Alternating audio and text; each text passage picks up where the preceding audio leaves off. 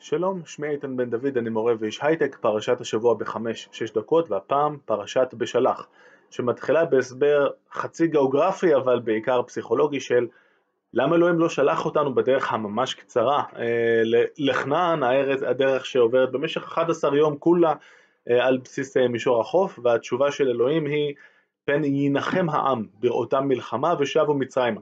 כמו שנראה עוד רגע, הוא יודע טוב מאוד על מה הוא מדבר. העם יוצא לדרך, אנחנו זוכים לנס ראשון בדמות אה, עמוד אה, הענן שבו אלוהים מנחה אותנו ביום ועמוד האש שמנחה אותנו בלילה, מגיעים ליד הים ואז בינתיים אה, מצרים מתעשתים, פרעה מספרים לו שהעם ברח, שזה קצת מוזר, כאילו הוא היה אמור לדעת את זה לבד, כי הרגע הוא גירש את בני ישראל, אבל בכל מקרה הם כאילו מגלים את זה ויאללה יוצאים לדרך. ומשיגים אותם. והסצנה קורית אגב בלילה, אה, שזה משהו שאנחנו אה, בדרך כלל נוטים לא לשים אליו לב, כי יש לנו בראש את כל הדימויים מהסרטים ההוליוודיים אה, של המאה ה-20. בכל מקרה העם רואה את פרעה ואת המצרים מתקרבים, וכמובן הפחד משתלט, אבל בסטייל, כי מה שהם אומרים למשה זה המבלי אין קברים במצרים לקחתנו למות במדבר? מה זאת עשית לנו להוציאנו ממצרים?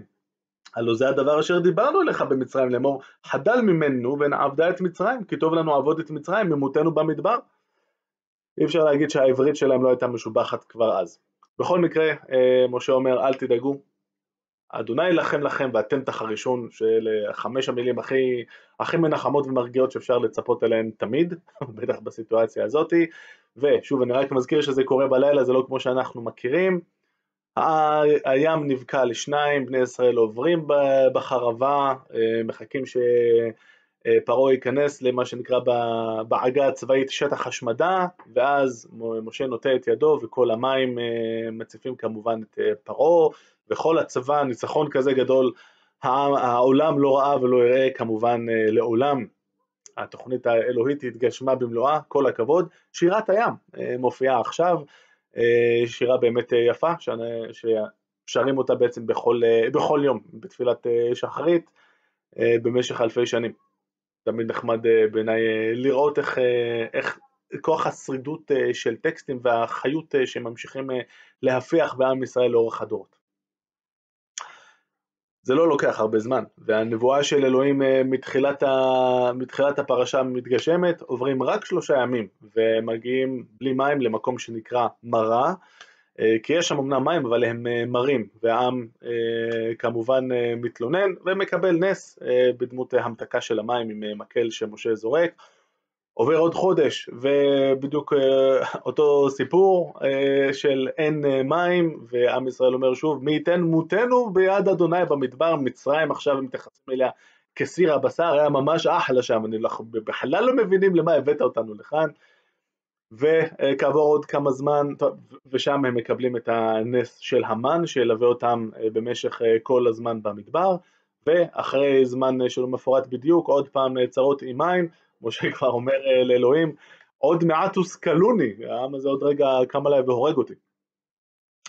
וזה זמן טוב אולי לדבר על אחת ה, אחד המתחים שאני, ש, שאני אוהב להבחין בהם, בין התפיסה המסורתית שמדברת על ירידת הדורות, לבין התפיסה המודרנית.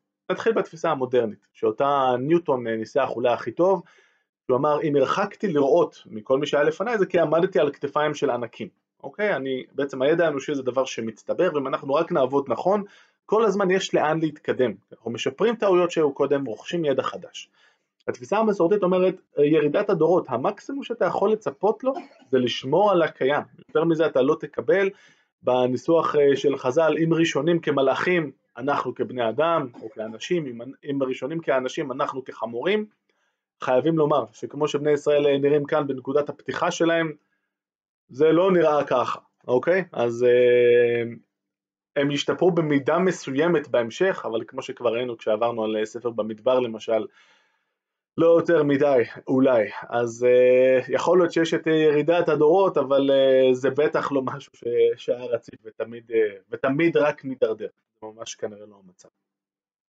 נקודה טובה גם להגיד uh, משהו על המנהיגות uh, של משה.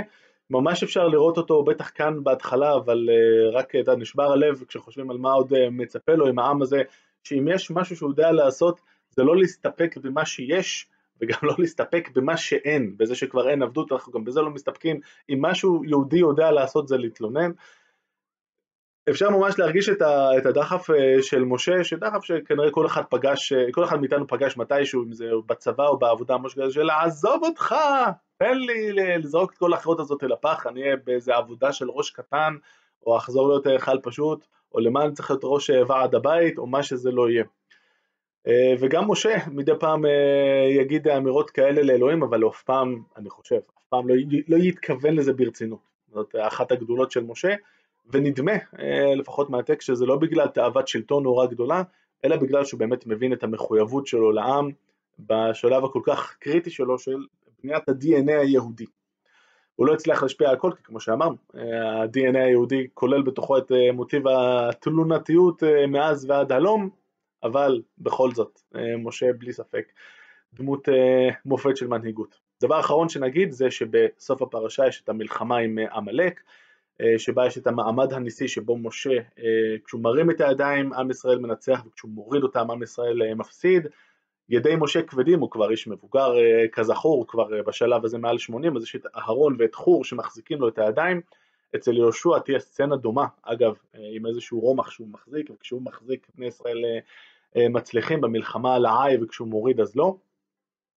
ובכל מקרה הפרשה מסתיימת בציווי של אלוהים לזכור את זכר עמלק כי יד על כסיה, מלחמה לאדוני בעמלק לכל הדורות, לנצח. וזה תמיד אה, ממלא מלא אירוניה כי הזכר היחיד שנשאר אה, לעמלק זה הספר הזה, זאת הפרשה הזאת שאנחנו קוראים, אין לזה עוד, אין לשבת לזה עוד שום זיכרון אחר ארכיאולוגי בשום צורה, אז זה תמיד אירוניה קצת משעשעת. הכתוב הזה, הזכר היחיד לעמלק, מצווה למחוק את זכר עמלק. עד כאן אה, להפעם, לסרטונים נוספים ולתיאום הרצאות אפשר להקליק כאן, שבת שלום ורק בריאות.